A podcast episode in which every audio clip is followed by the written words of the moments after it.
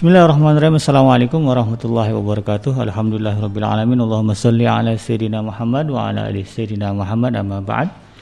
Alhamdulillah eh, berjumpa, kembali di udara, di gelombang 1044 AM iDream Radio Successful Muslim Family bersama saya BKJ dalam program rutin kita setiap hari Selasa petang yaitu program ngaji from home. Dan seperti biasa kita akan sama-sama mendengarkan kajian pada hari ini yang akan disampaikan oleh guru kita Al-Ustaz Abdullah Haidir LC di mana kita akan melanjutkan kajian tentang tauhid ya. Dan pada kesempatan ini kita akan menyambung kajian yang tertunda di episode sebelumnya yaitu di pertemuan sebelumnya di mana kita uh, sudah mendengarkan sebelumnya kajian tentang silsilah rukun iman di bahagian yang uh, pertama dan kedua. Sekarang kita akan masuk ke silsilah rukun iman bagian yang ketiga yaitu beriman kepada para malaikat. Baik, tidak berlama-lama kita akan mendengarkan kajian uraian dengan tema silsilah rukun iman bagian ketiga yaitu beriman kepada para malaikat dari guru kita Al Ustaz Abdullah Abdullah Hadir LC. Untuk itu kita persilakan kepada beliau. Silakan Ustaz. Assalamualaikum warahmatullahi wabarakatuh. Bismillahirrahmanirrahim. Alhamdulillahi rabbil alamin. Nahmaduhu wa nasta'inuhu wa nastaghfiruh. ونعوذ بالله من شرور أنفسنا ومن سيئات أعمالنا. من يهده الله فلا مضل له ومن يضلل فلا هادي له. أشهد أن لا إله إلا الله وحده لا شريك له وأشهد أن محمدا عبده ورسوله لا نبي بعده. اللهم فصل وسلم وبارك على سيدنا محمد وعلى آله وأصحابه ومن تبعهم بإحسان إلى يوم الدين. أما بعد Sahabat Adrim di mana saja berada, semoga Allah Subhanahu wa taala berikan kita selalu ridhonya, keberkahannya dan juga perlindungannya dan semoga kita selalu diberikan istiqomah dan keteguhan di jalan Allah Subhanahu wa taala. Amin ya rabbal alamin. Baik, uh, kita akan lanjutkan kajian akidah kita ya, yaitu silsilah rukun iman ya bagian ketiga. Ya, kita sudah membicarakan sebelumnya tentang iman kepada Allah dan juga perkara-perkara yang dapat mengancam atau merusak keimanan kita. Kini kita masuk pada rukun iman kedua, ya, yaitu beriman kepada para malaikat. Antuk minabillahi wa malaikatihi. Beriman kepada Allah dan kepada para malaikatnya. Ya. Baik, uh, langsung saja uh, kita awali kajian ini dengan mengenal malaikat itu dari segi kalimatnya ya, dari segi katanya. Dari kata apa malaikat itu? Al malaikah ya bahasa Arabnya. Ya, itu sebenarnya merupakan bentuk jamak ya. Ini memang ada beberapa kalimat dalam bahasa Arab yang bentuk jamaknya itu sudah biasa dipakai untuk uh, mufrad ya. Kita mungkin mengatakan misalnya malaikat Jibril ya, padahal uh, malaikat itu bentuknya bentuk jamak. Mufradnya apa? Malakun. Ya. Malak. Ya. E, maka disebut misalnya e, malaikat pencabut nyawa disebut malakul mauti. Ya, ini memang agak mirip-mirip ya. Ada malakun, ada malikun. Kalau malik itu raja, kalau malak nah itu malaikat. Kalau malik pemilik. Ya. Maliki yaumiddin. Pemilik, penguasa begitu ya. Kalau mulkun nah kerajaan. Jadi itu mungkin kalau dari segi apa namanya eh, penulisan sama ya. Kalau nggak ada harkatnya. Ada malakun, ada mulkun, ada malikun, ada milkun, ada juga milik ya.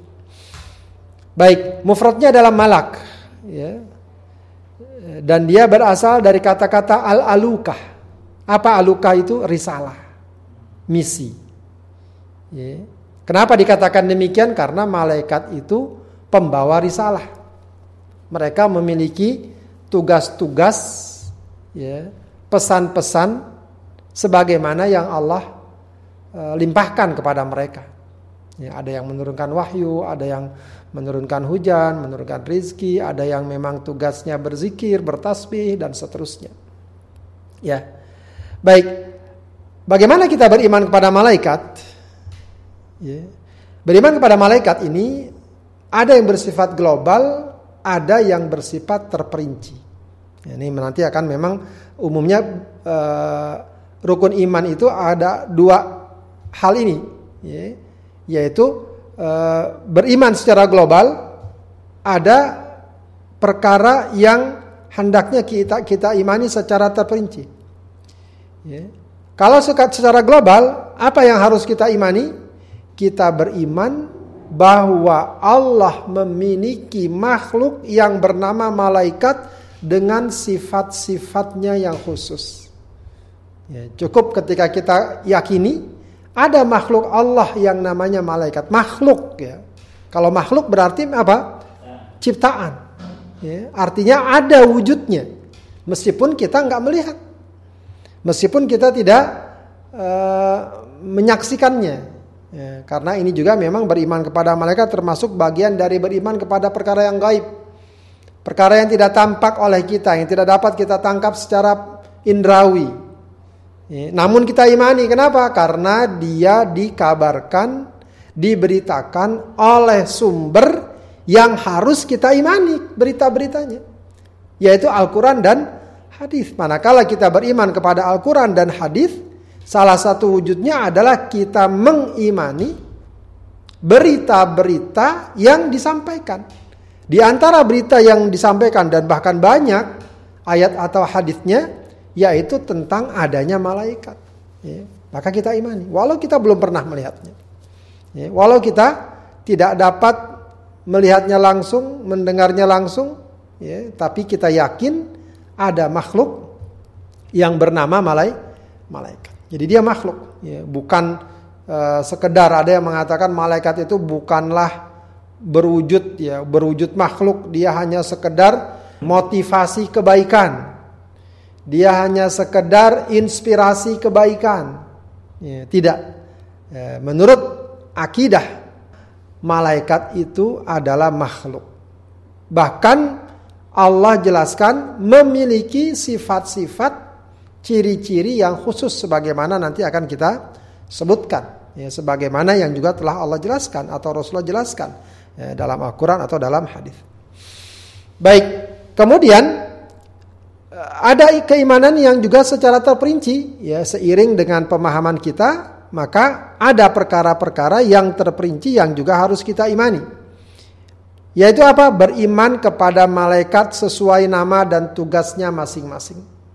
Ya, ada malaikat yang diberikan nama atau yang bukan yang diberikan nama yang disebutkan namanya.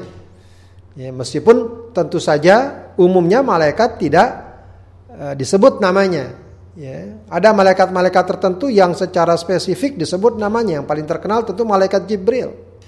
Ya, malaikat Jibril disebutkan dalam uh, Al-Quran, disebutkan dalam hadis. Ya, tentang e, malaikat ini ya, dengan namanya dan dia terkenal ya e, sebagai malaikat yang menurunkan wah wahyu makanya malaikat Jibril ini dikenal sebagai malaikat yang paling mulia dalam Al-Quran namanya sering disebut secara terpisah ya e, tanazzalul malaikatu warruhu fiha dalam surat Al-Qadar itu e, para malaikat turun warruhu fiha dan juga Ar-Ruh yaitu malaikat Jibril. Dia disebut salah satu nama malaikat Jibril adalah Ar-Ruh. Ya. Disebutkan secara khusus. Ini menunjukkan kemuliaan malaikat Jibril. Ya, maka sebagaimana para nabi ada nabi yang paling mulia yaitu Rasulullah sallallahu alaihi wasallam. Ya, di antara malaikat ada malaikat yang paling mulia yaitu malaikat Jibril alaihissalam. Ya. Ada juga malaikat yang menurunkan hujan, ya, Mikail menurunkan rizki disebut juga malaikat Mikail uh, Israfil ya malaikat pencabut eh peniup sangkakala ya. ada disebut dengan Israel meskipun ini uh, tidak terlalu kuat apa namanya penamaannya ada beberapa riwayat yang menyebutkan nama Israel memang tapi kalau dalam Al-Quran yang paling kuat istilahnya apa malakul malakul maut ya, ya. malaikat yang mencabut nyawa manusia. Ya, ada juga yang disebut dengan munkar dan nakir yang menanyakan ahli kubur. Ya, ada yang juga uh, sebagian di tengah masyarakat dikenal malaikat rokib dan atid. Ya, meskipun uh, apa namanya nama ini oleh para ulama bukan nama, tapi lebih kepada sifat yaitu dia yang selalu mencatat, selalu melihat dan memantau setiap gerak perbuatan dan ucapan. Eh, ma yalfidhu alaihi apa ma yalfidhu min qaulin illa ladaihi raqibun atid kata Allah. Ya, tidaklah ada satu ucapan yang keluar kecuali di sana ada malaikat yang selalu mencatat, memantau dan melihat. Ya, sebagian ulama menyebutkan bahwa itu namanya. Ya. Ya, terlepas itu perbincangan tersebut yang jelas ada malaikat dengan eh, sifat-sifat uh, seperti itu. Ya, ada malaikat penjaga neraka disebut dengan Malik, ya, malaikat penjaga surga disebut malaikat Ridwan, ya, dan banyak malaikat-malaikat lain yang hanya disebut sifat-sifatnya saja. Ada malaikat yang uh, sebagaimana disebutkan dalam hadis uh, meniup ruh pada uh, setiap janin dalam rahim seorang ibu apabila sudah mencapai usia apa namanya empat bulan begitu ya. Ada malaikat yang uh, meng, menggotong ars Allah Subhanahu wa taala. Ada malaikat yang uh, mendampingi manusia yang disebut dengan korin. Manusia itu ada dua pendamping, satu dari kalangan malaikat, satu dari kalangan kalangan jin. Ada malaikat yang uh, mendatangi majlis-majlis ilmu dan seterusnya dan seterusnya. Ya. Nah, perkara-perkara yang terperinci ini jika jelas sumbernya, ayatnya atau hadisnya, hendaknya juga kita imani. Maka tidak boleh ada orang mengatakan tidak ada itu malaikat Jibril. Ya, jelas dalam Al-Quran. Ya, jelas dalam Al-Quran. Kalau seandainya dia mengatakan oh, tidak ada Israel, mungkin saja namanya. Ya, itu sesuai perdebatan yang ada. Tapi bahwa ada malaikat yang mencabut nyawa, iya. Mau kemudian ada yang mengatakan itu Israel sebagaimana yang umum telah dikenal di tengah masyarakat. Mau dibilang malakul maut itu kan cuma penamaan saja. Ya. Kalau memang sudah jelas, kalau seperti misalnya Israfil, Mikail itu uh, disebutkan dalam hadis dengan jel, dengan jelas. Ya, maka yang terperinci ini kalau jelas perinciannya kita iman, kita imani. Itulah iman kepada malaikat. Baik, Malaikat ini adalah makhluk Allah dengan sifat-sifat yang khusus, ya, dengan sifat-sifat yang istimewa. Mereka memiliki uh, keistimewaan-keistimewaan ya, yang tidak dimiliki oleh manusia misalnya atau makhluk Allah yang lain jin misalnya. Ya. Apa di antaranya? Malaikat terbuat dari cahaya. Ini menguatkan bahwa malaikat adalah makhluk Allah. Ya. Jadi Allah sebutkan terbuat dari apa dia? Berarti dia memang ciptaan Allah. Ada, wujudnya ada ya, perkara kita nggak melihat itu perkara lain. Ya, tapi bahwa dia ada Allah ciptakan ya, itu perkara yang sangat uh, apa namanya kuat landasannya. Dalam hadis riwayat Muslim Rasulullah bersabda khuliqatil malaikatu min nur. Malaikat diciptakan dari cahaya. Ya, kita bisa jadi bertanya gimana bentuknya cahaya. Itu perkara gaib.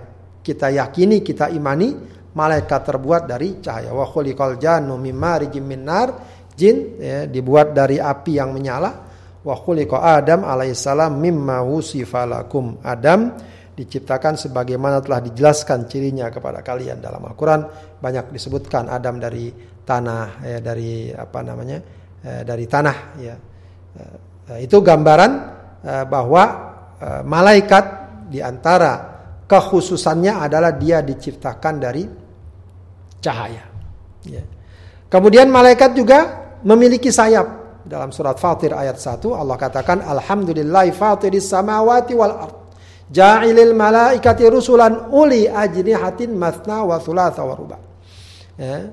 Segala puji bagi Allah yang menciptakan langit dan bumi, ya, menjadikan malaikat sebagai utusan Allah. Mereka memiliki sayap-sayapnya. Ada yang dua, tiga, empat, ya. Yazidu fil khalqi ma yasha innallaha ala kulli syai'in qadir. Ya ini uh, jelas ya kalau kadang-kadang ada orang yang menggambar ya uh, dan memberikan kesan itu malaikat biasa dikasih sayap. Meskipun tentu saja bukan berarti itu gambar malaikat sebagaimana yang sebenarnya. Ya itu hanya mungkin rekayasa atau rekaan dan semacamnya. Tapi bahwa malaikat punya sayap ya Ya, bahkan diriwayatkan dalam satu riwayat bagaimana uh, Rasulullah pernah suatu kali melihat Jibril dengan sayapnya yang apa namanya terbentang sehingga memenuhi ufuk ya dalam hadis tentang orang-orang yang menuntut ilmu Allah katakan bahwa malaikat itu apa namanya me, mengempitkan sayapnya ya kepada orang yang menuntut ilmu karena apa? Karena mereka ridho dengan orang yang sedang menuntut ilmu. Begitu ya. Kemudian uh, malaikat adalah makhluk yang menghuni langit. Ya, jadi malaikat tempat tinggal di mana di langit. Ya, uh, banyak dalam Al-Quran disebutkan uh, Allah Subhanahu Wa Taala ya menyampaikan misal kepada penghuni langit atau membanggakan hambanya kepada penghuni langit itu masuk pada malai kepada malaikat. Dalam surat Al-Mulk ayat 16 17 Allah katakan aamintum man fis samai ayyakhsifa bikumul arda fa hiya tamur am amintum man fis samai ayursila alaikum hasiba fasata'lamuna kaifa nadhir. Ya, apakah kalian merasa aman dengan siapa yang ada di langit dan akan dapat membenamkan, membenamkan kalian di dalam ke dalam bumi. Ya. Yang Allah katakan manfis sama di sini adalah para malai, para malaikat. Ya. Para malai, para malaikat. Sebab para malaikat ini dalam kisah umat terdahulu mereka diutus untuk menurunkan azab. Ada yang dibenamkan ke dalam perut bumi, ada yang eh, apa namanya ditimpakan kepada mereka kerikil dan bebatuan ya, sebagai azab atas kekufuran dan pembangkangan mereka untuk beriman kepada Allah Subhanahu wa taala. Dalam hadis riwayat Tirmidzi Rasulullah bersabda ar-rahimuna yarhamuhumur rahman. Orang-orang yang mengasihi akan disayang oleh Ar-Rahman oleh Allah. Irhamu man fil ardi ya, yarhamkum man fis sama. Sayangi orang yang ada di bumi maka kalian akan disayangi siapa yang ada di langit. Siapa? Tak lain adalah para malai, para malaikat. Ya, dalam hadis juga banyak Allah sebutkan Allah membanggakan hamba-hambanya kepada siapa yang ada di langit. Maksudnya adalah para malai, para malaikat. Jadi malaikat ini adalah penghuni langit. Ya, sebagaimana manusia adalah penghuni bu, penghuni bumi. Karenanya juga di langit ya itu ada sebuah tempat yang disebut dengan Baitul Ma'mur. Ya, Rasulullah wasallam eh, saat eh, di Isra Mi'rajkan itu diperlihatkan farufi ali al baitul ma'mur fasa'altu jibril faqala hadza al baitul ma'mur yusalli fihi kulla yawmin sab'una alfa malak idza kharaju lam ya'udu ilaihi akhir ma alaihi ya. itu adalah baitul ma'mur ya lalu aku bertanya kepada jibril ya, ya, diperlihatkan kepada Rasulullah Baitul Ma'mur. Rasulullah bertanya sebelumnya Rasulullah tidak tahu. Maka malaikat Jibril mengatakan itu adalah Baitul Ma'mur setiap hari ya 70 ribu malaikat sholat di dalamnya. Ya, sholat di dalam di dalamnya. Ya, yang sudah berangkat keluar untuk sholat ya itu tidak ada satupun dari mereka yang kembali. Artinya setiap hari pergi berangkat sholat di sana dan tidak ada yang kembali betapa banyaknya para malai para malaikat ya tidak terhing tidak terhingga ya. Kemudian ya, dan ini merupakan uh, keistimewaan yang sangat tampak dari malaikat yang sangat khas dari malaikat. Apa? Mereka adalah makhluk Allah hamba Allah yang selalu taat beribadah dan tidak bermaksiat kepadanya. Tidak pernah membangkang kepada perintah Allah Ya, dalam Al-Quran juga banyak disebutkan hal ini ya ayyuhalladzina amanu qu anfusakum wa ahlikum nara wa quduhan nasu wal hijarah 'alaiha malaikatun ghiladun shidadun la ya'suna Allah ma amarhum wa yaf'aluna ma yu'marun. Ya. Wahai orang yang beriman, jagalah diri kalian dan keluarga kalian dari api neraka yang bahan bakarnya adalah manusia dan batu. Ya. Padanya terdapat malaikat yang ghiladun shidadun ya, yang keras, yang uh, apa namanya, yang kuat. Ya, la ya'sunallaha ma amarhum. Mereka tidak bermaksiat, tidak membangkang kepada Allah atas setiap apa yang Allah perintahkan pada mereka. Wa yaf'aluna ma yu'marun dan selalu melakukan apa yang diperintahkan kepada mereka. Dalam surat Al-Anbiya ayat 19 ayat 20 Allah katakan walahu man fis samawati wal ard wa man indahu la yastakbiruna an ibadatihi wala yastahsirun. Ya. Eh, di sisi Allah ya, ada yang di langit dan e, di bumi. Siapa yang ada di langit dan di bumi? Waman indahu dan apa namanya siapa yang di sisinya? Maksudnya para malaikat La yastakbiruna an ibadati, tidak sombong untuk beribadah kepada Allah. Artinya dia tidak merasa sombong wala yastahsirun tidak merasa berat untuk beribadah kepada Allah Subhanahu wa taala. Yusabbihuna al-laila wan nahara la yafturun. Mereka bertasbih kepada Allah malam ataupun siang tidak pernah merasa bosan. Ya, jadi malaikat memang hamba Allah yang selalu beribadah, ya, tidak pernah bermaksiat, tidak pernah tergelincir. Ini bedanya malaikat dengan manusia. Selain para nabi, maka manusia adalah orang yang bahkan Rasulullah katakan sering berbuat dosa, sering khilaf, sering tergelincir, ya, kadang membangkang. Ya, malaikat tidak. Ya. Baik, malaikat juga makhluk Allah yang secara fisik besar ukurannya dan sangat kuat. Dan sangat sangat kuat. Ya, dalam satu riwayat Rasulullah mengatakan, "Innama huwa Jibril lam arahu ala suratihi allati khuliqa 'alaiha ghaira hatainil marrataini." Ruaituhu munhabitan minas sama saddan 'idhamu khalqi ma baina samai wal ard. Ya. Aku ya, itulah Jibril, ya.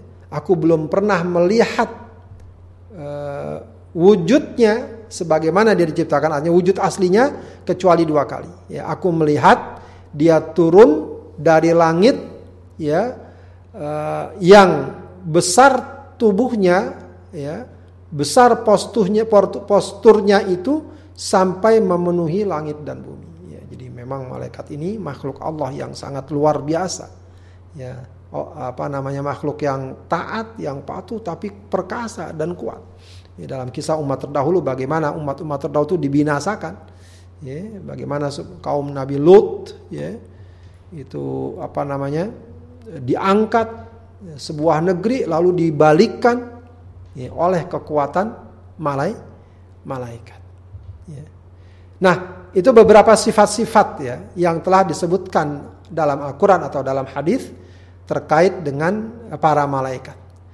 Apa wujud yang dapat kita berikan ketika kita beriman kepada para malaikat? Ya, ketika kita beriman kepada para malaikat. Pertama, Ya. Kita beriman pada malaikat sebagaimana Allah ajarkan, sebagaimana Rasulullah perintahkan, ya, akan memberikan kita uh, dan menghadirkan dalam diri kita ya, bagaimana kebesaran dan kemuliaan Allah Subhanahu wa taala.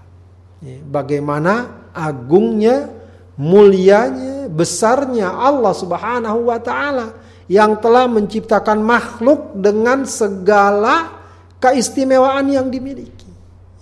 Bagaimana ada makhluk terbuat dari cahaya, makhluk yang begitu besar, yang besarnya sampai menutupi langit dan bumi. Makhluk yang uh, sangat taat, sangat patuh kepada Allah tanpa maksiat sedikit pun. Ya, di balik besar dan keistimewaan malaikat, tentu saja kita akan sampai pada satu kesimpulan betapa mulianya, betapa agungnya, betapa maha kuasanya Allah Subhanahu wa taala. Ya. Uh, kita saja dalam uh, apa namanya? dalam ukuran duniawi ya, kalau melihat sebuah hasil sebuah produk yang sangat bagus tentu saja tidak lupa ini siapa yang menciptakan, ini siapa kreatornya.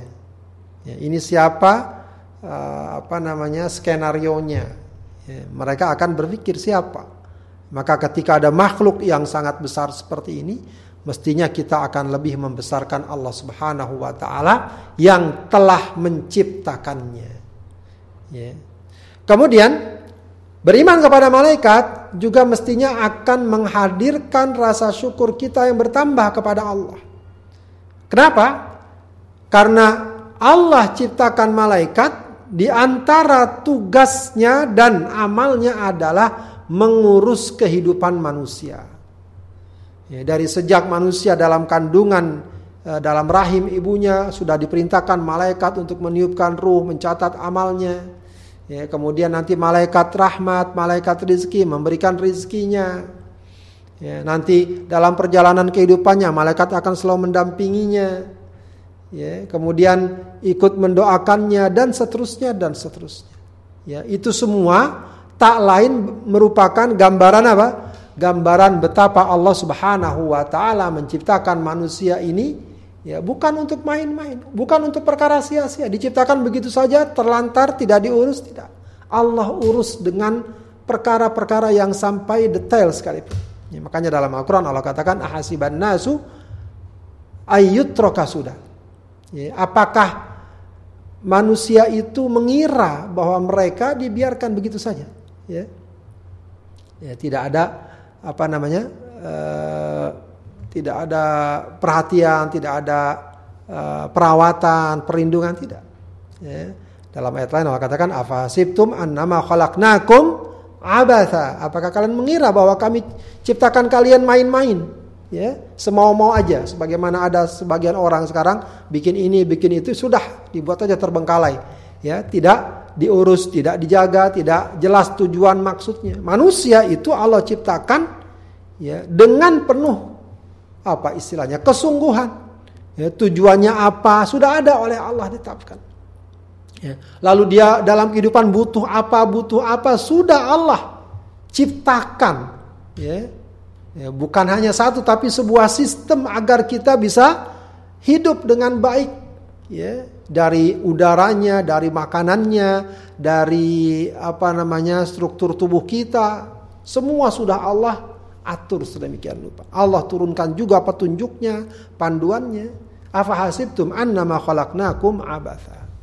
Termasuk di dalamnya adalah Allah ciptakan malaikat untuk ya mengurus urusan-urusan manusia. Ya rizkinya, ya apa namanya amalnya dan lain sebagainya dan lain sebagainya.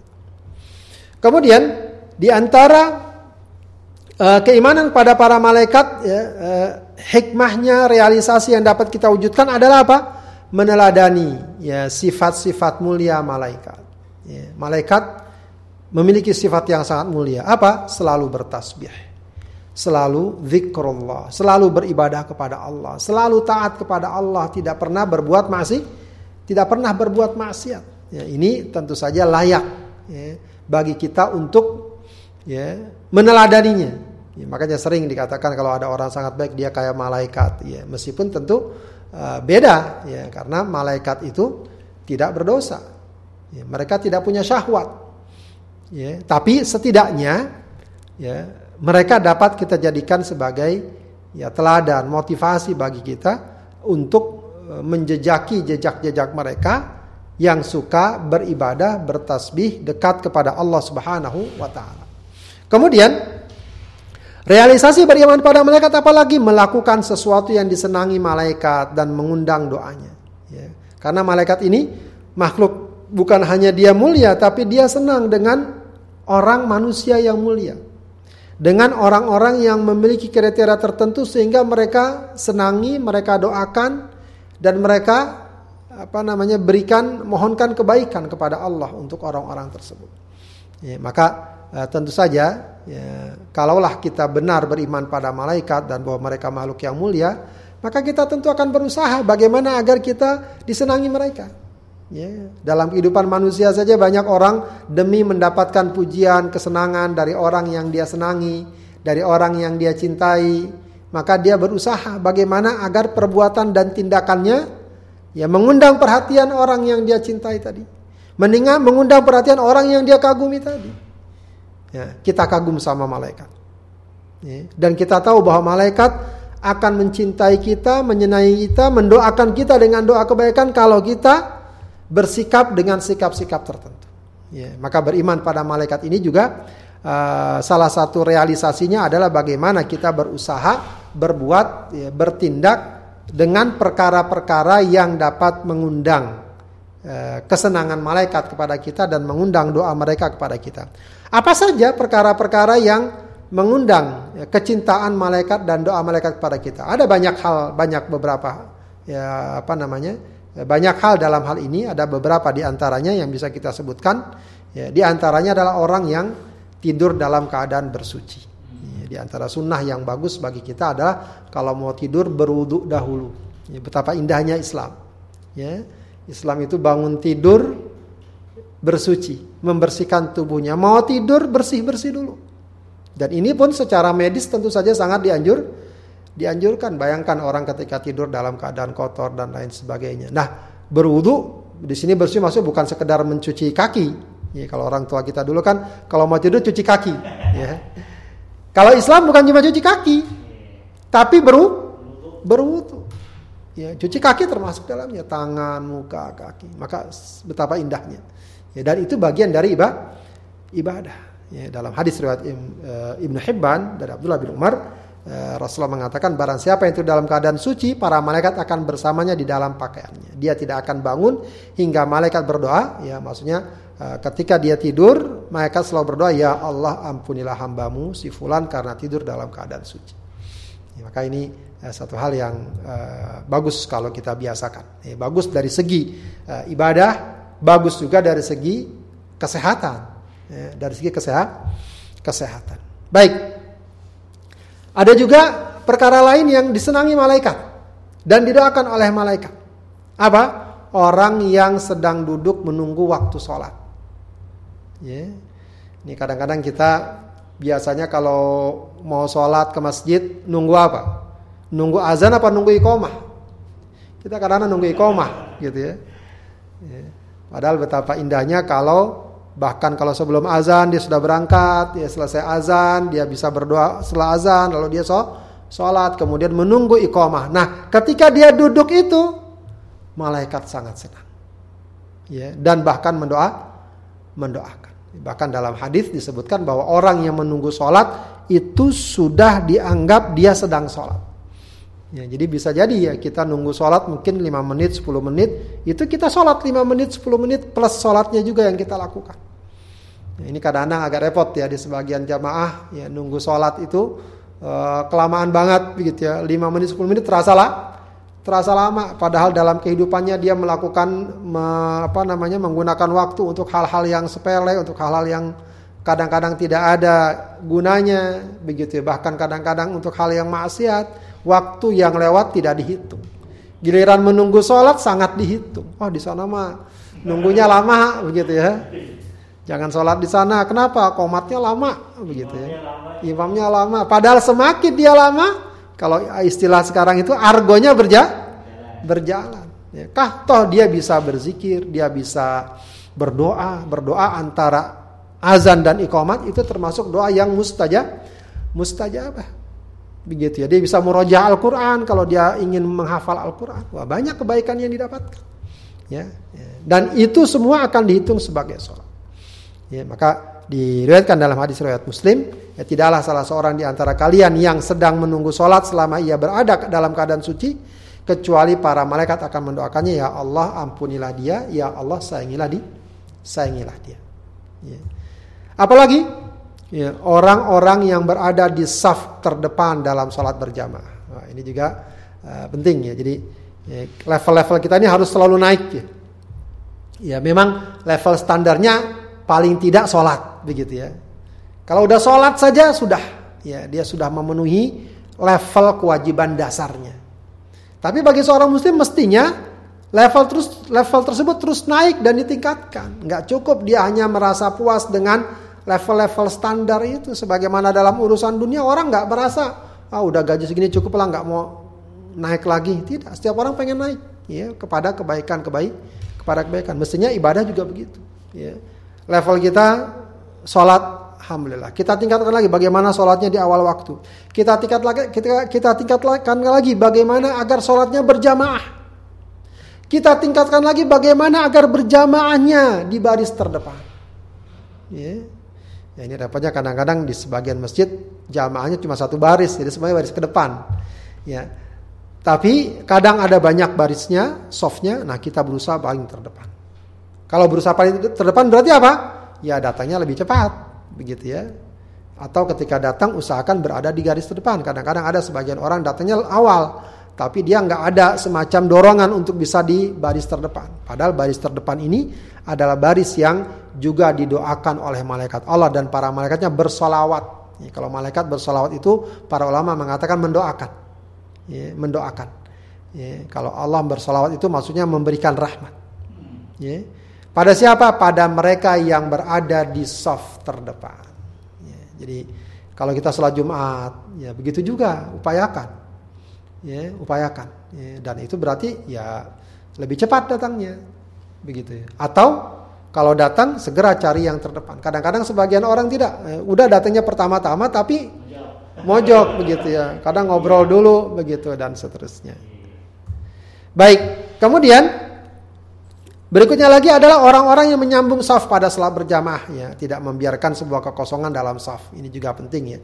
Ada eh, dalam baris ada kosong meskipun sekarang mungkin suasana pandemi barangkali ada semacam pengecualian ya di mana uh, misalnya jarak antara jamaah direnggangkan sedikit karena ada darurat atau ada kebutuhan mendesak. Tapi dalam kondisi normal maka kita usahakan bagaimana agar saf dalam sholat itu rapat. Dan apabila ada yang kosong, mungkin ada salah satu orang yang mengundurkan diri, batal sholatnya, dia pergi, maka kita penuhi. Ya, apakah yang di samping bergeser, yang di belakang ke, de, ke depan itu bisa dilihat sesuai kondisi kondisinya.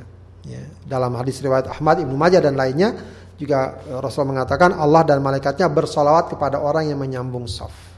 Baik, kemudian para malaikat mengucapkan amin ketika seorang imam selesai membaca Al-Fatihah. Ya, ini juga ini yang di antara fadilah dan keutamaan amin. Ya, maka kalau ada imam membaca amin, makmum bacalah amin. Ya, eh, karena kata Rasulullah, siapa yang aminnya bertepatan dengan aminnya malaikat, maka dosa-dosanya akan diampuni. Ya, dosa-dosa akan diampuni, diampuni. Ya. Ini juga menunjukkan apa? Menunjukkan bahwa ya sholatnya juga berjamaah. Kemudian siapa lagi? Orang yang duduk setelah di tempat sholatnya setelah melakukan sholat. Ya, tadi duduk sebelum sholat. Ya, ini habis sholat dia masih duduk. Ya tentu bukan sekedar duduk berzikir pada Allah Subhanahu wa taala. Begitu ya. ya ini juga termasuk orang yang e, disenangi oleh malaikat. Ini kadang-kadang kita pengen buru-buru, padahal setiap habis sholat luangkan waktu. Ya sempatkan, saya kira tidak lama waktunya, paling 5 menit, paling jauh 10 menit. Kita bisa simpulkan atau tidak kita bisa simpulkan, toh tidak ada petunjuk yang kuat untuk mendetailkan masalah tersebut. Soalnya kan pertanyaan-pertanyaan begini Seth, biasa muncul di masyarakat awam. Ya. Nah, jadi kadang-kadang kita ya harus tahu tahu jawabannya juga. nah, pertanyaan berikutnya Seth. Nah, ini uh, fenomena ini seperti yang kita ketahui ada agama uh, ada orang yang mengaku ketemu malaikat Jibril gitu kan, lalu kemudian bikin agama baru ya, yang agama Lia Eden itu. Nah, pertanyaan Ustaz ini biar clear di tengah masyarakat, apakah di dalam Al-Qur'an bahwa ada kejelasan atau dalil yang menyatakan bahwa malaikat itu bisa menemui manusia selain para nabi dan para rasul dalam wujud yang lain katakanlah dalam bentuk bentuk manusia atau cahaya Terlebih di zaman sekarang, Ustaz. Kalau zaman dulu mungkin ya, biasa lah ya kita dengar-dengar cerita begitu. Tapi kalau di zaman modern sekarang, apakah cerita-cerita bahwa saya ketemu malaikat lalu ngomong gini ini bisa diklaim atau bagaimana, Ustaz? Wallahu alam, ya bahwa malaikat berwujud dengan wujud manusia dan menemui para nabi dalam beberapa peristiwa. Betul. Atau juga selain nabi seperti terhadap Maryam dan ah. lain sebagainya itu ada memang. Yeah. Apakah setelah itu ada kemungkinan terjadi? Wallahu alam. Ya. Tidak ada isbat, tidak ada nafi. Tidak ada yang menguatkan untuk hal itu, tidak ada yang menafikan untuk hal untuk hal itu. Yang jelas yang juga harus kita pahami ya bahwa wahyu sudah berhenti. Syariat sudah ditetap ditetapkan. ditetapkan. Gitu. Syariat sudah ditetapkan. Ya, apa pun yang terjadi tidak ada yang merubah syari syariat. Tidak ada yang merubah ketentuan-ketentuan dah ketentuan-ketentuan dasar. Begitu ya. Kalaupun ada orang yang mengaku ketemu malaikat, bertemu malaikat dan lain sebagainya, itu perkara yang gaib ya. Yang sebenarnya perkara seperti itu hanya bisa kita terima kalau bersumber dan berasal dari sumber-sumber yang harus kita imani seperti Al-Qur'an dan hadis. Maka pengakuan ya, bahwa saya ketemu malaikat dan lain sebagainya Apalagi kalau itu kemudian diiringi dengan uh, sejumlah keyakinan-keyakinan yang baru, yang aneh di luar dari ketentuan Islam, di luar dari ketentuan ajaran Rasulullah Sallallahu Alaihi Wasallam, maka hal seperti itu dapat kita katakan batil, ya, dapat kita katakan tidak dibenar, tidak dibenarkan, begitu ya, tidak dibenarkan.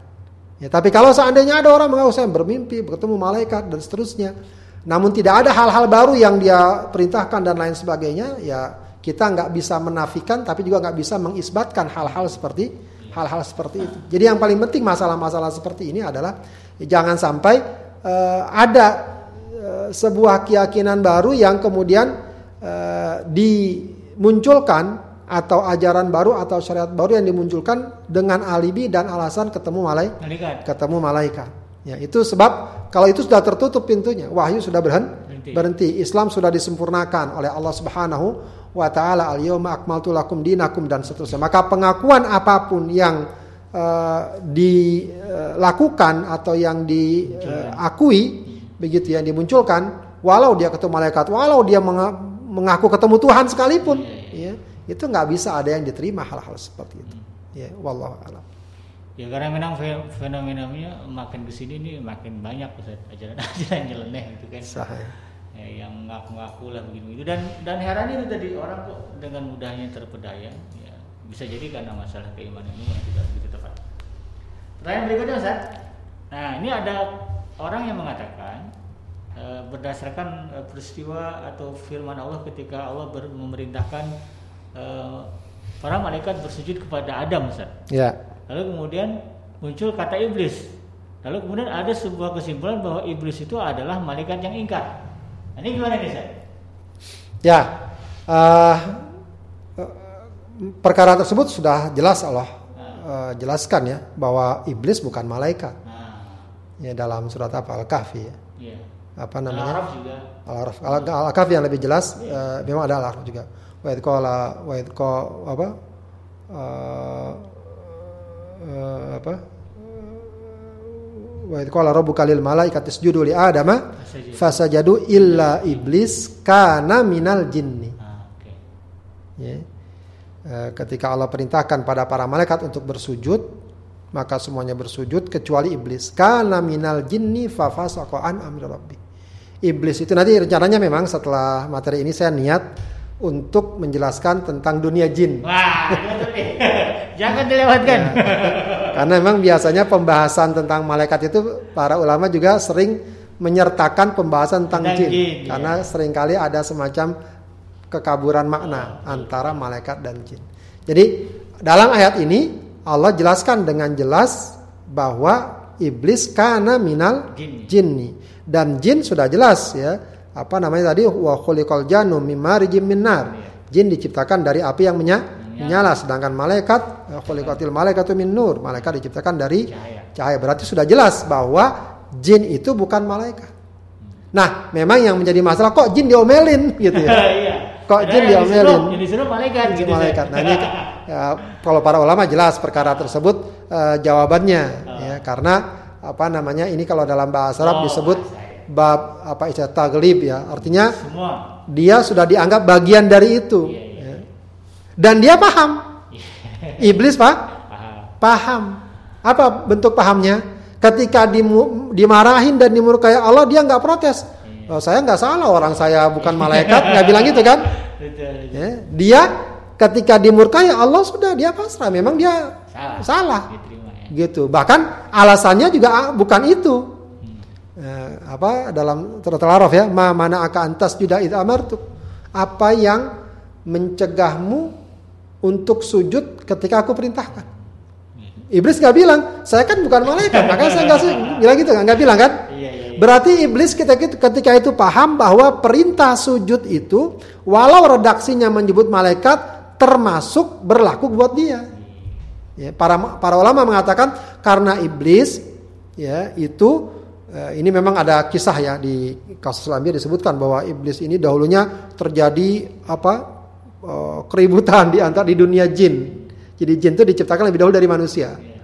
Nah kemudian ada yang diambil iblis itu diambil oleh malaikat lalu eh, tinggal di surga bersama para malaikat Malaikat. malaikat. Maka ketika malaikat diperintahkan, iblis diikut sertakan, termasuk yang diperintahkan.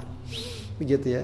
Nah, iblis ketika Allah marahin, ya, Allah marahin istilahnya, kenapa kamu nggak mau sujud pada Adam ketika aku perintahkan?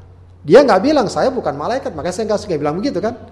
Ya. Apa alasannya? Ana khairum minhu khalaqtani min narin wa khalaqtahu Penting. min tin. Ya, aku lebih baik darinya. Ya, karena engkau ciptakan aku dari api, aku cipta, kau ciptakan dia dari ta, dari tan. Jadi itu alasan iblis kenapa nggak su, nggak sujud, begitu ya. Artinya dia mengakui bahwa dia merasa lebih hebat, lebih besar. Itu alasannya. Artinya apa? Tidak ada kesalahan ketika Allah perintahkan malaikat untuk bersujud dan ketika Allah melaknat iblis karena nggak mau bersujud. Ya, karena sudah dipahami baik Allahnya jelas maksudnya itu dan iblis sudah paham. Ya, jadi uh, harusnya memang dipahami secara utuh ya, jangan jangan segitu-gitunya aja dia pahaminya. Ya, kalau secara utuh nggak akan terjadi hal tersebut. Sama lah ketika ada orang mengatakan juga uh, iblis wajar dia harusnya dia bukan dimurkai oleh Allah, harusnya dia dipuji. Kenapa? Dia nggak mau sujud karena memang nggak boleh sujud, begitu kan? Iya. Itu kan cara, itu kan akal-akalan orang. Iya, iya, akal-akalan oh, orang. Buktinya iblis argumennya nggak begitu kan? Ya, kalau argumennya begitu, uh, iblis dengan mudah mengatakan saya kan nggak mau sujud, kan nggak boleh sujud sama makhluk kan bisa begitu. Ya, sementara para ulama mengatakan sujudnya di sini bukan sujud penghambaan, tapi sujud penghormat, penghormatan dan itu di syariat terdahulu dibolehkan. Sujud kepada manusia. Ya sujud pada manusia dibolehkan sebagai penghormat. Memang pada syariat Rasul tidak dibolehkan sujud walaupun sebagai bentuk penghormatan. Pertanyaan berikutnya Ustaz masih ada. Di dalam Al-Quran itu kan ada disebut malaikat Harut dan Marut Ustaz. Ya. Nah, yang diturun di zaman Nabi Sulaiman ini detailnya seperti apa Ustaz? Apakah memang kan tadi kalau bicara 10 malaikat kan 10. Nah, ini Harut dan Marut ini masuk kelompok mana nih? Nah, gitu. Baik, ini memang uh, jalan disebut ya. Harut dan Marut memang malaikat ya. Iya. Para ulama menyebutkan Harut dan Marut itu yang disebutkan dalam surat Al-Baqarah ya tentang masalah sihir itu kan. Iya. E, memang ada perdebatan sih apakah Harut dan Marut ini malaikat atau bukan. Tapi yang dikuatkan para malaikat adalah uh, uh, bahwa dia malaikat karena memang dalam ayat tersebut jelas-jelas bahwa memang keduanya malai malaikat. keduanya malaikat. Malakani, ya, iya. Ya, apakah dimasukkan dalam kelompok yang 10 juga tidak mengapa atau termasuk malaikat yang memang namanya disebut begitu ya. Sebenarnya kalau dibilang 10 malaikat memang nggak nggak detail banget karena beberapa nama ya katakanlah Israel misalnya hmm. itu diperdebatkan namanya atau juga tadi Rokib Atid ya Rokib Atid itu eh, bahkan pendapat yang cukup kuat itu bukan nama itu sifat oh. ya jadi eh, ma yalfidu alaihi eh, Rokibun Atid ya, itu bukan namanya malaikatnya namanya Rokib tapi itu uh, sifatnya bahwa malaikat bahwa setiap diri manusia atau pada setiap tindakan manusia itu selalu ada malaikat yang rokib. Rokib itu apa? Kalau bahasa sekarang itu namanya merokobah. Merokobah itu semacam radar gitu. Oh, memantau. memantau. Malaikat yang selalu memantau, melihat, mencatat setiap gerak-gerik seorang atlet juga begitu sama. Selalu hadir, tidak pernah ada perbuatan malaikat misalnya ada perbuatan manusia malaikat sempat uh, absen gitu ya, tidak. Itu namanya rakib atid. Hmm. Jadi memang uh, ya tidak mengapa sih kalau dikatakan 10 malaikat ya, tapi yang juga harus kita pahami ada malaikat-malaikat lain yang belum disebut atau malaikat-malaikat yang juga tidak disebut nama hmm. namanya. Wallahu a'lam. Kalau itu Zat, malaikat yang turun ke Nabi Muhammad waktu di Taif itu malaikat jenis mana lagi itu Zat? Wallahu alam ya, ada yang mengatakan itu malaikat gunung penjaga gunung dan lain sebagainya yang kan men kita. yang menawarkan ya bisa saja dia kan ditugaskan untuk oh, menjaga gunung di bumi. Gunung. Ya. Oh, gitu. Wallahu alam. Jadi memang uh, banyak misteri Zat terkait dengan uh, malaikat ini. Menarik sekali sahabat hadirin yang dirahmati Allah Subhanahu wa taala, mudah-mudahan ini bisa dipahami dan e, meluruskan ya segala bentuk kesalahpahaman kita terkait dengan e, keimanan kita kepada para malaikat. Karena ini juga merupakan bagian keimanan, maka wajib ya kita meyakini adanya adanya malaikat dan segala sifatnya begitu. Dan e, mudah-mudahan apa yang disampaikan Ustaz bisa kita aplikasikan, bisa kita pahami dalam kehidupan kita. Namun uh, sebelum kita akhiri kita dengarkan dulu uh, kata penutup dari Ustaz uh, tentang tema kita pada hari ini yaitu silsilah rukun iman bagian ketiga yaitu beriman kepada mereka. Silakan Ustaz. Baik, uh, sahabat tadi yang dimuliakan Allah Subhanahu wa taala, alhamdulillah kita sudah selesaikan kajian kita tentang beriman pada para malaikat. Mudah-mudahan uh, apa yang kita uh, pelajari ini uh, dapat meningkatkan keimanan kita kepada Allah, pada para malaikatnya dan iman-iman kepada yang lainnya. Yang paling penting bagi kita tentu saja adalah ya implement implementasi ya atau menghadirkan nilai-nilai keimanan ini dalam kehidupan sehari-hari sehari-hari. Mudah-mudahan bermanfaat. Assalamualaikum warahmatullahi wabarakatuh. Waalaikumsalam warahmatullahi wabarakatuh. Demikian tuntas sudah kebersamaan kita dalam program Ngaji From Home edisi hari Selasa tanggal 29 September 2020. atau tanggal 12 Safar 1442 Hijriah. Mudah-mudahan uh, Anda bisa mengambil manfaat dari kebersamaan kita dan insya Allah kita akan bertemu lagi di kesempatan dan juga program yang sama. Saya BKJ beserta kru yang bertugas pamit undur dari ruang dengar Anda. Mohon maaf atas segala kehilafan dan kalfaan. Subhanaka Allahumma rabbana wa bihamdika asyhadu an la ilaha illa anta astaghfiruka wa atubu ilaik. Walhamdulillahirabbil alamin. Billahi taufiq wal hidayah. Assalamualaikum warahmatullahi wabarakatuh.